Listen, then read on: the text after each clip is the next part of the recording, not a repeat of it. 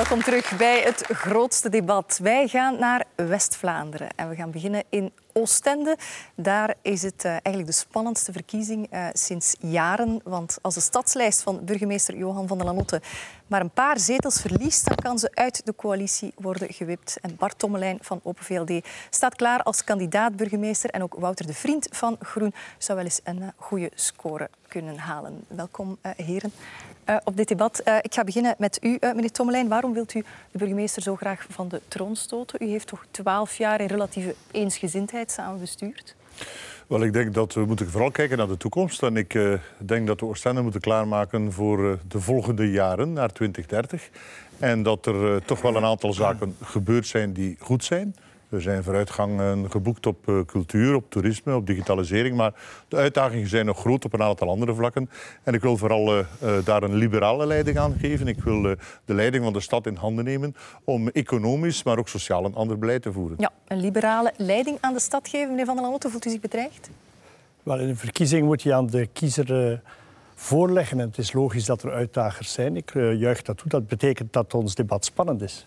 Maar we zijn toch uh, van oordeel dat we met een heel goed programma van verjonging en vernieuwing naar de kiezer gaan. De voorbije 24 jaar is er heel veel veranderd in Oostende.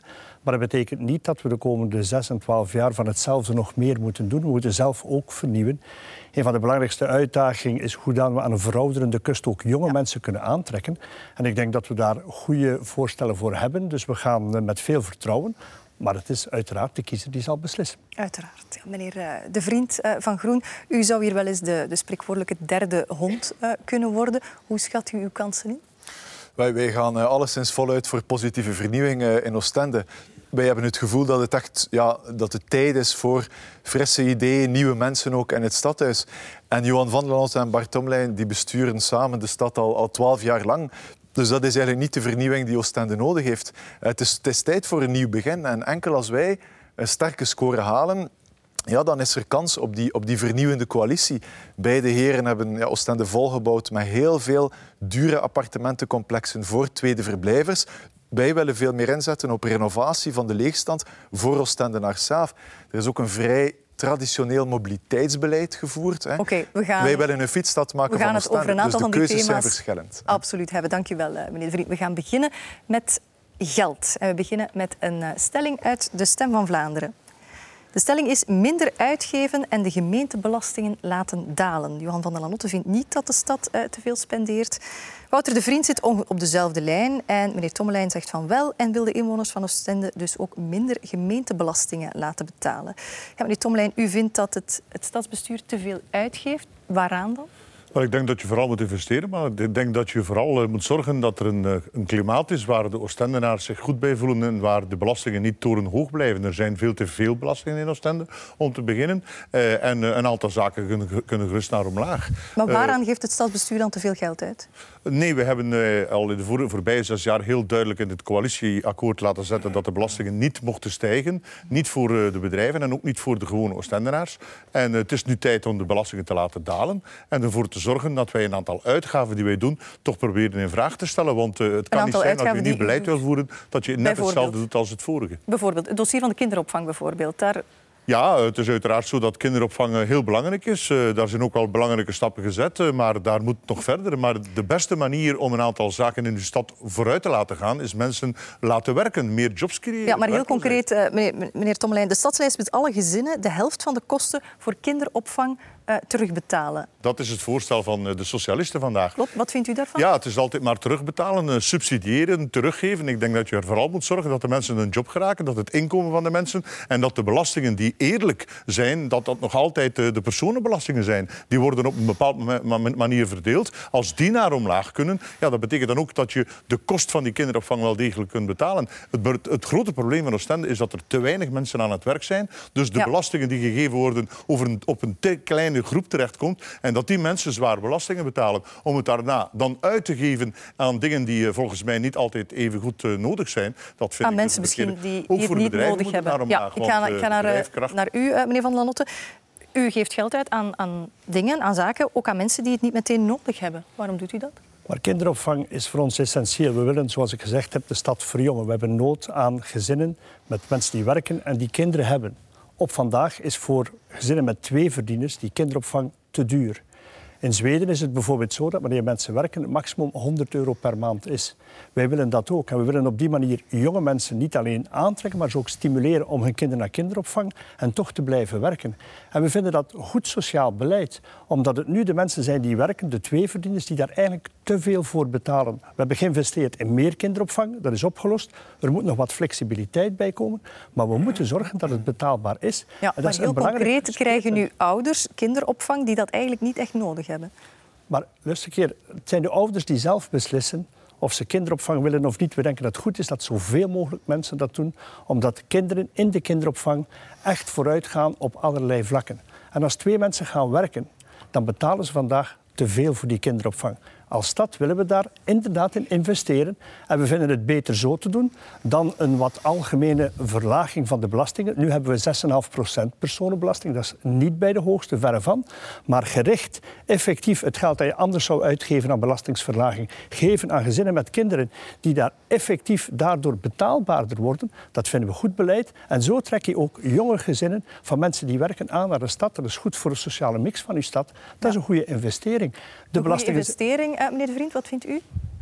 Wel, uh, zoals u hebt kunnen zien, wij nemen een tussenpositie in. Hè. Uh, dat is ook goed, denk ik. Uh, voor ons gaat het niet om, om slogans zoals een algemene belastingverlaging. Dat klinkt altijd goed in verkiezingstijd. Wij, wij willen eigenlijk gerecht zien welke belastingen we kunnen afschaffen of vereenvoudigen. En vier jaar geleden heb ik in de gemeenteraad een plan voorgelegd voor fiscale vereenvoudiging voor ondernemers. Want u moet weten dat Oostende koploper is van het aantal lokale belastingen van alle centrumsteden samen met Kortrijk. We hebben 42 lokale belastingen, dat is heel veel. We hebben vier jaar geleden gezegd vereenvoudig dat en schaf bijvoorbeeld de belasting op drijfkracht af. Um, in onze regio, Oostende, int nog die belasting. Zedelgem, en daar stopt het. De meeste gemeenten hebben dat afgeschaft. Weet u ook dat, dat kleine handelaars, kleine zelfstandigen, een bakker, een slager bij ons, als hij zijn handelsnaam wil afficheren op de etalage, moet hij daar een belasting voor betalen. Dat hebben Open VLD en SPA samen eigenlijk in stand gehouden. En wij hebben vier jaar geleden gezegd, vereenvoudig dat. Maar blijkbaar zijn er groenen nodig in het bestuur om echt werk te maken van die fiscale vereenvoudiging voor ondernemers. Want het is met liberalen in elk geval nog niet gebeurd. Wel, uh, meneer De Vriend, als hij in een coalitie geraakt, zal uh, leren dat je natuurlijk met uh, de verschillende partijen een overeenkomst moet hebben. Voor ons is het duidelijk als liberalen dat wij de belastingen in het algemeen willen verlagen. Mm. Want het, het, gaat niet enkel over kinderen met kinderen, gezinnen met kinderen. Mm. We willen een goede sociale mix in Oostende. Ja. En dat betekent dat je ook een heel belangrijk aandeel mensen hebt die single zijn. Het aantal singelen in onze maatschappij neemt toe. Dat betekent dat we... we kunnen natuurlijk wel een aantal maatregelen nemen, maar een algemene globale belastingsverlaging, meneer De Vriend, is ook heel belangrijk voor de mensen die single zijn, die alleen wonen, die uh, de kosten alleen moeten betalen. En wij willen die belasting effectief verlagen. En ik neem het uh, wel een beetje kwalijk dat u dat als een slogan bekijkt. Dat is absoluut niet waar. We hebben gezorgd dat de belastingen niet omhoog gingen. En we zullen ervoor zorgen, als wij coalitiepartners vinden die dat willen doen, en ik corrigeer graag dat jij dat doet, ik noteer dat, de belastingen verlagen okay, voor de Oostendenaars en de bedrijven. Okay, en zelfs gaan... voor de tweede verblijvers, niet tegenstaande die niet mogen stemmen, wil ik maar, die ook naar Oké, we gaan naar, we gaan naar een volgend thema. Dat hier, eh, dat als hier... ik heel even mag. Ik vrees dat we echt naar een, naar een volgend thema moeten. Eén zin. Eén zin. Twaalf jaar de tijd hebt u gehad hè, in het bestuur om dat te doen. U hebt het niet gedaan. Okay. Maar ik ga akkoord u met heeft één uw zin zaak. gehad. Jonge ehm, gezinnen, uh, actieve gaan... mensen aantrekken naar de stad, dat is effectief nodig. Daarin vinden we elkaar, dat is waar. Oké, okay. wij gaan naar een, naar een volgend thema dat we al deels hebben aangeraakt. Armoede, want Oostende scoort slecht op zowat alle armoede-indicatoren. De kansarmoede neemt toe. Ook de kinderarmoede. 30 procent van de kinderen wordt tegenwoordig in armoede geboren. Een paar jaar geleden was dat nog uh, maar 25 procent. Ja, meneer Van Lanot, voor een socialist zijn dat pijnlijke cijfers. Hè? Dat is absoluut zo. Dat zult u mij ook niet horen ontkennen. Het is een groot probleem in Oostende. We, kind en gezin hebben daarover gesproken. Het is vooral het probleem op vandaag doordat we met de asielcrisis van 2015 heel veel nieuwkomers hebben uh, gekend. Het komt door de, waarvan door de 60, 60 van die kinderen zitten in die situatie. Dus moeten we daaraan werken.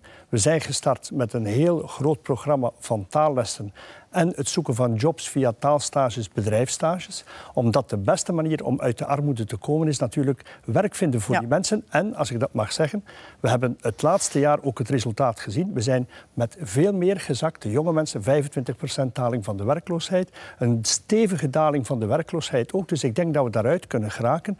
Plus met een tweede maatregel. Wij willen de eerste smart social city zijn Die heeft het over smart cities. Wij willen dat rechten automatisch worden toegekend. Te veel rechten missen de juiste doelstelling. Dus heel de digitalisering die we nu hebben, moeten we richten ook naar het automatisch toekennen van sociale rechten. Een smart social city. En werk, werk, werk voor die mensen. Ja, u, uh, meneer Van der Notte zegt, uh, een van de oorzaken van armoede, misschien wel de hoofdoorzaak van armoede, is migratie, hè, vluchtelingen. Klopt dat? Dat is natuurlijk wel iets te gemakkelijk. Uh, tussen 2008 en, en vandaag is de armoede nergens in Vlaanderen meer toegenomen dan in Oostende. En dat heeft heus niet alleen met de vluchtelingen te maken. Het heeft Waarom natuurlijk een bijdrage, maar ook in de andere gemeenten en steden van Vlaanderen zijn er vluchtelingen bijgekomen. Mm. maar het is de structurele armoede en het is voornamelijk de grote problematiek van de coördinatie in Oostende die mank loopt. Je hebt verschillende organisaties die bezig zijn. Eh, ze klagen allemaal aan uh, dat er een gebrek aan coördinatie is. De politie, uh, de, de samenlevingsopbouw, de vluchtelingenorganisaties, het onderwijs, maar ook het sociale huis. Ja, die moeten de handen in elkaar slaan, moeten dat gecoördineerd aanpakken. En we moeten zorgen dat de mensen kansen krijgen en die mensen uit de armoede geraken. Men wil altijd maar een reddingsboei naar die armen gooien terwijl men die mensen moet leren zwemmen. En dat is natuurlijk ook wel het probleem. We hebben heel veel geld besteed aan, uh, aan armoede en aan kinderarmoede. Uh, maar heel wat van die projecten hebben geen enkele zin. Bijvoorbeeld uh, ja, het uitdelen van gratis fruit op school. Dat is een zeer sympathiek project. Ik ben daar niet tegen. Maar als je natuurlijk een vijfde van je budget tegen armoede en de strijd tegen armoede daaraan besteedt, dan ben je een aantal ja, kleine ja. dingetjes aan het doen. Maar structureel pak je de zaak ja. niet gecoördineerd aan. Meneer De Vriend, hoe zou u de komende zes jaar die zaak ja. structureel aanpakken? Wel, uh, ik ben al blij dat meneer Tomlijn zegt dat hij er niet tegen is, want hij heeft het mee goedgekeurd natuurlijk, het project uh, een paar jaar geleden. Maar uh, ja, effectief, de Oostende telt 34% armoede. Er zijn maar twee gemeenten in heel Vlaanderen die slechter scoren dan Oostende. En dat is Boom en Blankenberge. En dat wijten aan de nieuwkomers alleen klopt niet als je de cijfers bekijkt, want de armoede bij autochtonen is zelfs nog sterker gestegen dan bij, dan bij nieuwkomers. Uh, het nationale beleid heeft een verantwoordelijkheid, Vlaamse regering, federale regering. Maar laat ons toch ook kritisch zijn voor het lokale sociale beleid. Er is te veel versnippering. Ik denk dat we nog veel meer outreachend, hè, dus echt naar buiten gaan, naar de wijken, met hulpverleners. Wij hebben het geluk in Oostende van heel veel dienstencentra te hebben, infrastructuur. Wij stellen voor om daarvan een soort wijkantennes te maken, om maatschappelijk werkers daar uh, te gaan, te gaan, uh, te gaan uh, vestigen. En die kunnen dan de wijken intrekken om die armoede beter te gaan opsporen, beter te gaan aanpakken. Ook aanvullende steun. Want iedereen moet mee in onze samenleving. Er is een enorme groep mensen die niet meer mee kan in Oostende. En ik, uh, ja, ik, ik, ik vind dat bijzonder erg. En dat is toch een blamage voor het huidige bestuur. Okay. Uh, dat men dat zo ver heeft laten komen. Oké, okay. u heeft uw standpunten duidelijk gemaakt. Laat ons het nog eens hebben over 14 oktober en wat uh, daarna komt. meneer Tommelijn, stel dat u burgemeester wordt. Ja. Stopt u dan als Vlaams minister?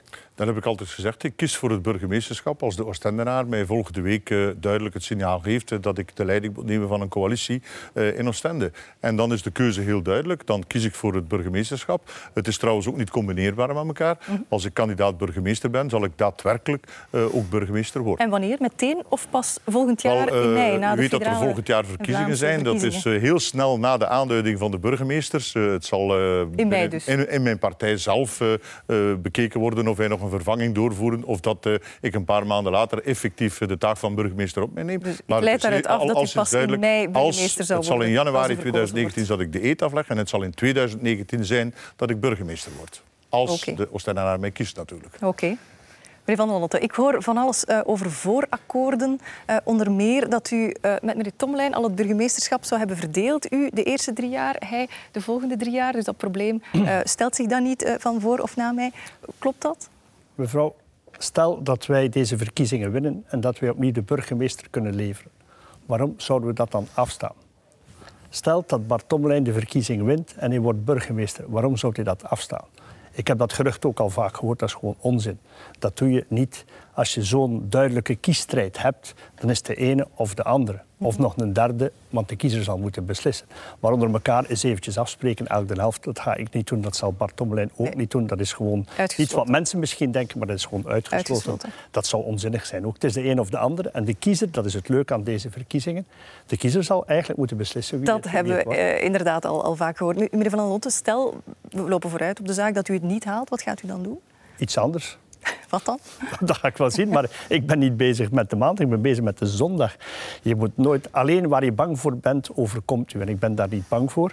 En dus als dat overkomt, dan zal ik de maandag er eens met rustig over nadenken. Dan zal het iets anders zijn, hè? maar ik weet Dat niet wat. Ik ben daar op dit moment niet mee bezig. Inderdaad. Nu, meneer De Vriend, als u mocht kiezen, een coalitie met de stadslijst van meneer Van der Lotte of met meneer Tommelijn? Wat kiest u? Wel, ik reik de hand aan, aan, aan beiden en ook aan de mensen van CD&V trouwens, om nu echt voluit te gaan voor die vernieuwing in Oostende. En laat de kiezer de kaarten maar schudden. Hè. Ik ben kandidaat burgemeester omdat ik niet denk dat er eigenlijk een keuze is tussen beide. Het is een keuze voor nog eens zes jaar hetzelfde, net zoals de voorbije twaalf jaar. Er is tijd nodig, denk ik, voor, voor een andere aanpak. Ik wil een burgemeester zijn die menselijk is, die mensen met elkaar verbindt, eh, eerlijke politiek, die het op een andere manier doet, anders dan de voorbije zes jaar. En Oostende heeft nood aan ja, die nieuwe mensen, eh, een echte positieve, vernieuwende bestuur eh, in onze stad. Oké, ik noteer het. Dank u wel voor dit debat over Oostende, meneer Tommelijn, meneer De Vriend en meneer Van En ik ga naar eh, iemand uit de buurgemeente, uit, Ja. eh, uit Ik Middelkerken. heb twaalf jaar in de gemeenteraad gezeten en in Oostende ook hoor. Ik, ik weet het, ik weet het. En wat denkt u als u eh, de heren bezig hoort? Dat zijn dezelfde clichés van twaalf jaar terug. Welke? Wel, bijvoorbeeld hier over de armoedebestrijding of dergelijke meer. Twaalf jaar geleden hadden wij, was er ook al een enorme problematiek in Oostende wat de kansarmoede betreft. En het is er alleen slechter op geworden. En als je dan ziet dat dat nog is met een socialistisch bewind, dat er dan nog een paar ministers, zelfs drie ministers, in de gemeenteraad zaten. Dat is in feite bedroevend wat dat, dat beleid betreft. Ja, nu, meneer De Dekker, u komt hier niet om over Oostende Nee. te spreken. U komt intussen op in Middelkerken met, eh met Lijst de Dekker. Eh, u bent 66, het is een Ja. beetje alles of niets voor u, hè? Zeker nog goed. Zeer zeker. En ik voel me ontzettend gezond. En ik zou dat nog ook heel graag doen. Ik voel me heel fit. Ik zie dat... Er is, er is een president van Amerika, denk ik, die 72 is. Er is een paus van de katholieke kerk die over een miljard eh, gelovigen... Ik denk dat hij veruit, veruit in de prostaatleeftijd zit. Die zit al een stuk rond de 80. En ik ben nog kwik genoeg, denk ik. Ik heb veel sport gedaan in mijn leven. Ja, dus een mandaat die van zes jaar, uitdaging nog dat aan te u zitten. Ja, wat wil u veranderen in Middelkerken? Maar er is ontzettend veel. Er is een beetje puinhoop achtergelaten naar, na 18 jaar bewind van de Open VLD. Iedereen kent bijvoorbeeld het casino-dossier en de corruptie er rond en de belangenvermenging er rond. We hebben een heel groot probleem qua mobiliteit. Dus het binnenkomen van de autostrade naar Middelkerken, de, de hoofdbaan loopt nog altijd dwars door de gemeente. Dit moet veranderen. We zitten met eh, de uitbouw van de zeedijk. Denk maar aan de duizendjarige storm. We zitten, Mid- Middelkerken bestaat ook uit negen gemeenten. We hebben eh, gemeenten die nog altijd een dorpskernvernieuwing eh, moeten krijgen en dergelijke meer. En we moeten een, een nieuw elan krijgen in deze gemeente. Ik, Ja. ho- ik hoor ze ook allemaal praten, bijvoorbeeld over jonge gezinnen en dergelijke meer. Wel, ik kies bijvoorbeeld niet om een vermindering van de belastingen. Ik kies voor een 0% in de personenbelastingen. Ja. Net zoals Knokke gedaan heeft, net zoals Kokzijde gedaan heeft, net zoals de Pannen gedaan heeft. De helft van de kustbevolking is plus 60. En wij hebben een personenbelasting van 5%. Dus als dat 5% de mensen 5% meer inkomen geeft, dan geeft dat een heel mooie laan aan deze gemeente. Ja, eh, u heeft veel ambitie om, om burgemeester te worden. Stel, het lukt niet, u wordt geen burgemeester, u wordt ook geen scheep. Gaat u nog zes jaar in de gemeenteraad Nee, zitten? daar hou ik het voor bekeken. Ja. Nee, nee ik, heb nog, ik reken dat ik heb nog eh, ve- 500 weken te leven. Als ik goed blijf, dat is toch zo. Dan ben ik 75, dat is toch, Ja. is toch fantastisch. Ik ben niet zitten tot, mijn- tot mijn tachtigste zoals eh, onze eh, keizer van Leuven ooit weet. Nee, ik, eh, als, ik, als ik het niet ben, dus ik zou heel graag... Dus ik ben van Lombardide afkomstig. Ik ben daar geboren en getogen. Ik ben middelkerkenaar in hart en nieren. En ik zou nog graag iets teruggeven aan de gemeente, omdat het laatste bestuur het in feite een puinhoop nagelaten heeft. Ik heb daarvoor nog energie genoeg. Ik heb kennissen. Al zelfs als ik hier zit in de coulissen, tot in Brussel om daar iets aan te doen. Het is iets, om iets te doen zegt- met die relaties ook. U zegt Brussel. U heeft veel lokale ambities. Heeft u nog nationale Nee, ik ambities? heb geen, eh, momenteel geen nationale ambities meer. Maar dat zijn de volgende verkiezingen. Dat is mei 2019. Ja. U nodigt mij dan terug een keer uit. Ik zal met plezier komen. Ik zal het nu al opschrijven. Dank u wel, eh, meneer De Dekker.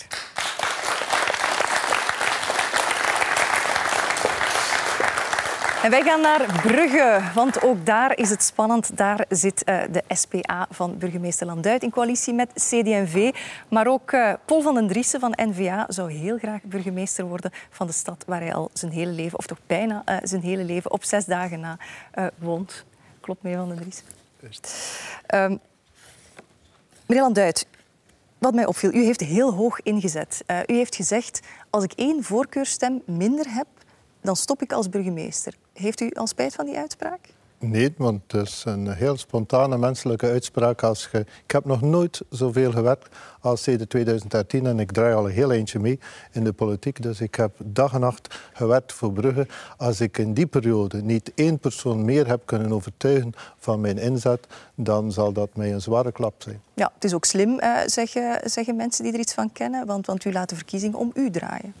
Wel, dit is allemaal berekening van waarnemers. Wat mij betreft, dit is een persoonlijke uitspraak. Ik heb nog nooit zoveel gewerkt, dag en nacht voor Brugge. Ik wil dat ook verder zetten, maar ik heb dat ene steuntje nodig. Oké. Meneer Van den Driessen, ehm, de vorige keer bent u uiteindelijk niet opgekomen. Is dit alles of niks voor u? Nee, het is veel voor mij. Gelukkig is het leven meer dan alleen maar politiek. Ik ben daarmee bezeten. Ik was ook heel graag journalist. Ik geef nog les, ik schrijf boeken. Uh, maar ik vind wel dat Brugge nu toe is aan verandering. Er is 36 jaar dezelfde partijen die het doen. En ik eh, vind dat de stad meer ambitie moet tonen en dat wij daar kunnen voor zorgen, dat wij voor die verandering kunnen zorgen, voor een economische verbetering, voor nieuwe perspectieven. En daar, daar gaan we voor. En ik geloof dat we dat gaan kunnen. Ik heb een sterke ploeg, we hebben een schitterend programma. Oké, we zullen zien uh, hoe jullie dat precies gaan aanpakken. We gaan beginnen met het uh, thema veiligheid en openbare orde met een stelling uit de Stem van Vlaanderen de lokale politie transmigranten actief laten opsporen en oppakken. Hier is er grote eensgezindheid. Zowel Renaat Landuit als Paul van den Driessen gaan hier helemaal mee akkoord. Meneer Landuit, eh, er is dit jaar al een record aantal transmigranten opgepakt in Zeebrugge, een deelgemeente eh, van Brugge. Loopt het uit de hand? Nee, want het is eigenlijk al vier jaar dat we dezelfde inspanningen doen met dezelfde resultaten. Dus het is een op- en neergaande beweging. Er is een hoogtepunt geweest toen dat Calais sloot. Maar eigenlijk zijn we al vier jaar lang altijd aan het controleren. Wekelijkse controles om mensen zonder papieren te helpen op de juiste weg. Maar het probleem is dat op de vorig jaar op de 2200 mensen dat we uh, onderschept hebben dat er één persoon is die asiel heeft aangevraagd. De rest wil eigenlijk niet de wettelijke weg volgen. En het is onze taak om de wet te verdedigen en vooral ook de rust in die kleine deelgemeenten. Mhm. En dus proberen we ook mensenhandelaars, en dat lukt. Er worden mensenhandelaars opgepakt. Er worden ook mensen opgepakt die misdrijven plegen of die inklimmingen en vernielingen doen. Maar voor de rest is dat een systematisch controleren van de mensen op hun papieren en hen de juiste weg wijzen in hun eigen taal. Ja, eh, er vertrekken vanuit uh, Zeebrugge uh, tal van bootjes ook door mensensmokkelaars, zoals u zei. Bent u soms bang als burgemeester, bang voor een menselijk drama? Wel, dit is het, eerste, het echte dossier in Brugge met een echt probleem. Mhm. En dat voor de burgemeester zwaar weegt, is juist dat probleem. Omdat het een menselijk, internationaal probleem is, waar dat je heel op een microsituatie mee geconfronteerd wordt. Ja. En dat Heeft u al slapeloze nachten gehad? Ja, maar je zit er toch mee bezig, omdat vooral je moet de zeebruggenaar begrijpen dat zij leven daar en worden geconfronteerd met uh, mensen in hun achtertuin. Ze worden geconfronteerd met mensen die kleingeld uit hun auto hebben genomen of een kabel voor een smartphone op te laden. Men wordt geconfronteerd met diefstal van elektriciteit. Allemaal kleine dingen, maar gruwelijk voor een leefgemeenschap omdat je niet meer op je gemak zit. En dus wij proberen dan ervoor te zorgen dat die mensen die moeten geholpen worden, geholpen worden, maar op een correcte wijze. Als ze de wet niet volgen, dan zijn we ook streng. En we zorgen ervoor dat er geen kampementen ontstaan, want dat betekent dat we voortdurend materiaal weghalen waar we zien dat ze proberen kampen te maken uit schrik. dat anders de mensenhandelaars een nieuw circuit zouden vinden nadat Calais verdwenen is. Ja. Meneer Landuit zegt, het staatsbestuur is, is streng. Valt hem veel te verwijten? Nee, Um, zal je misschien verbazen. Ik vind dat uh, de burgemeester doet wat hij kan. En hij wordt daar ook zeer goed in gesteund door de federale overheid. Er zijn onlangs beslist van extra agenten eraan toe te voegen. Maar je gaat verder, je gaat meer moeten doen omdat de stroom blijft komen. En dat heeft te maken met het feit dat die gruwelijke mensensmokkelaars Zeebrugge hebben uitgeroepen tot een plek. Van daaruit graag je er. Zo, dan graag je wel in het beloofde land. Dus we moeten alles doen wat ooit Calais gedaan heeft. Men is zijn geslaagd door een heel streng optreden. Calais bestaat niet meer in de zin van, daar, daar weten ze, daar moeten we niet meer naartoe. En wij willen dat um, Zeebrugge nog strenger wordt, uh, nog meer politie-razzia's, uh, mm -hmm. de haven beter beschermen. Maar we moeten nog meer doen om de aantrekkingskracht van Zeebrugge ja, als hub naar... Ja. Engeland te vergroten. Nog even kort over die pontonboot. Ja. U, u wou een, een boot voor de, de haven van Zeebrugge om dus, daar de transmigranten eigenlijk in op te sluiten. Het is, het is geen boot die zo vaartjes maakt. Nee, Het is een ponton, dat naar daar wordt ponton, gesleept. ja. Dat vroeger trouwens in Gent lag voor een weliswaar open eh, asielcentrum. Maar wij willen de, een ontradingseffect, een afschrikkingseffect. En dat is een ontrading? Dat Wel, omdat je dan eh, iets heel belangrijks gaat doen. Je zegt dan, er wordt niet alleen in, in Zeebrugge worden, ehm, wordt zeer veel politie ingezet om transmigranten die hier illegaal zijn, het gaat niet over vluchtelingen, ehm, op te pakken, maar we gaan u ook vastzetten Worden voor een ook tijd. vastgehouden. Ehm, Meneer Landuit, pontonboot voor de kust van Zeebrugge, goed idee? Nee, omdat de mensen komen naar Zeebrugge en dromen ervan van in Engeland te geraken. Het is niet als je ze al wilt opsluiten, is het niet daar dat je ze moet opsluiten. Maar in het, Brussel. het systeem van de laatste weken werkt en dat zien we in de cijfers. Ze worden naar Brussel gebracht, waar dat de administratie is, waar dat de luchthaven is, waar dat hun papieren kunnen in orde gebracht worden. Ik denk dat dat de juiste methode is. Maar mensen op een ponton in de haven zetten, terwijl dat je voortdurend de haven beschermt tegen de inbreken van diezelfde Ja, mensen, lijkt mij geen wijze gedachte. Het is alsof dat je gevangenis maakt in een huis waar dat men ingebroken heeft. Oké, eh, we gaan naar een, naar een volgend thema. We gaan naar het thema eh, toerisme. Eh, vorig jaar trok Brugge maar liefst 6,3 miljoen toeristen. En ongeveer 6000 Bruggelingen werken ook in het toerisme. Maar al maar meer Bruggelingen vinden dat dat de leefbaarheid van de stad aantast. Vandaar onze stelling: een stop invoeren op winkels voor toeristen.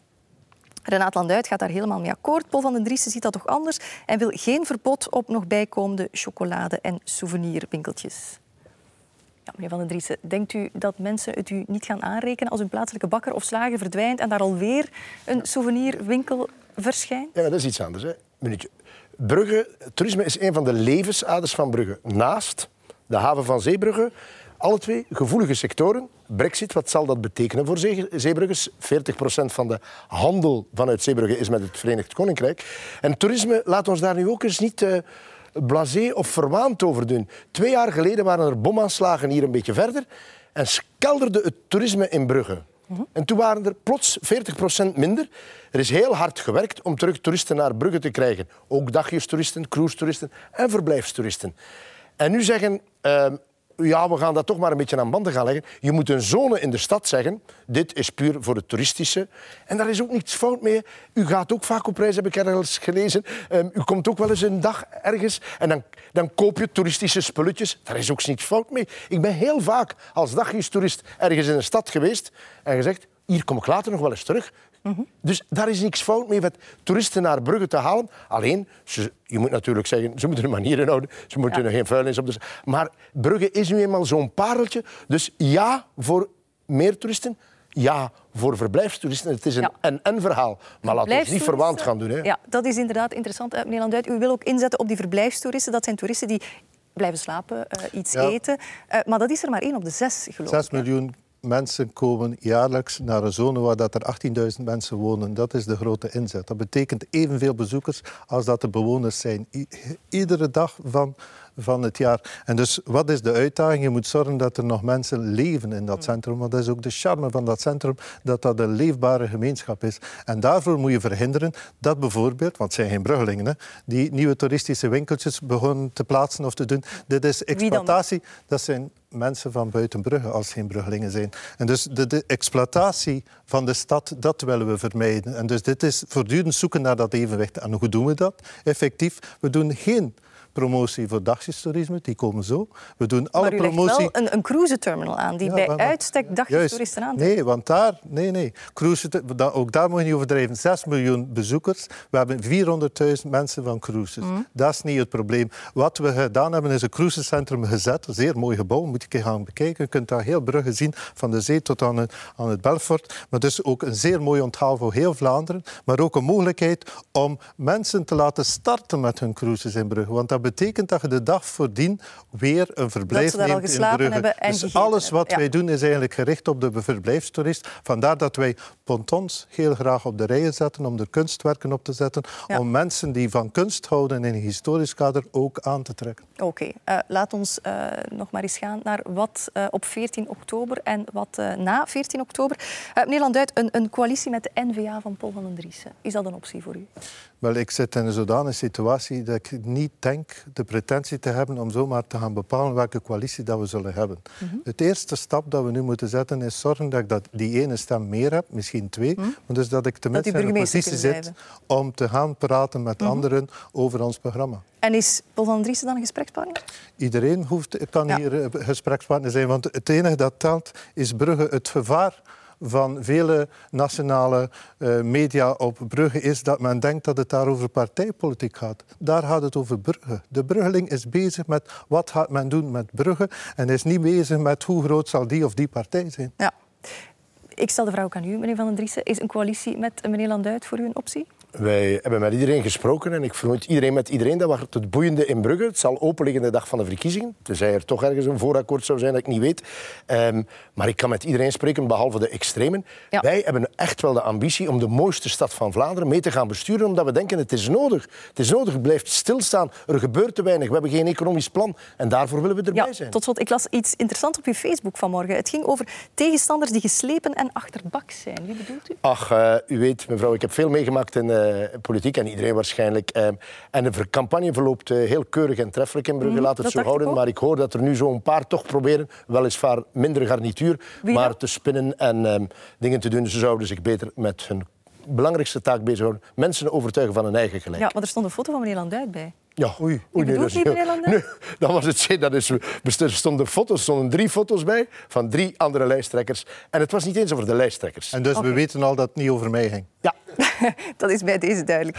Dank u wel, eh, meneer Van den Driessen. Dank u wel, eh, meneer Landuit, voor, eh, dit debat vanuit Brugge. En ik ga naar twee politieke zwaargewichten die ook burgemeester zijn. U bent uh, titelvoerend burgemeester, mevrouw Krevits in Torhout. U bent dienstdoend burgemeester in Kortrijk, meneer Van Quickenborne. Um, ik ga met u beginnen. Um, u komt op onder team burgemeester in Kortrijk. Waarom niet onder Open VLD? Wel, omdat in de lokale politiek mensen belangrijker zijn dan, dan partijen. En, en ook lokaal zie je dat de ideologie minder speelt. Het gaat meer over samenwerking, pragmatisch zijn.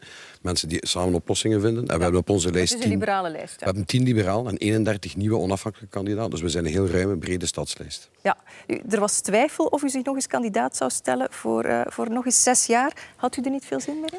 Toch wel, maar ik vind als je kandidaat staat voor het burgemeesterschap en je kunt dat doen, moet je er ook voor de volle zes jaar voor gaan. Dus ik ben de komende zes jaar, als ik burgemeester opnieuw mag worden van de Kortrijksaan, ben ik niet beschikbaar om terug naar Brussel te gaan om minister te worden. Je moet dat voor de volle zes jaar doen. Ik heb dat de voorbije zes jaar gedaan en ik zou dat graag nog eens zes jaar willen doen. Ja, niet beschikbaar om minister te worden, misschien wel om partijvoorzitter te worden?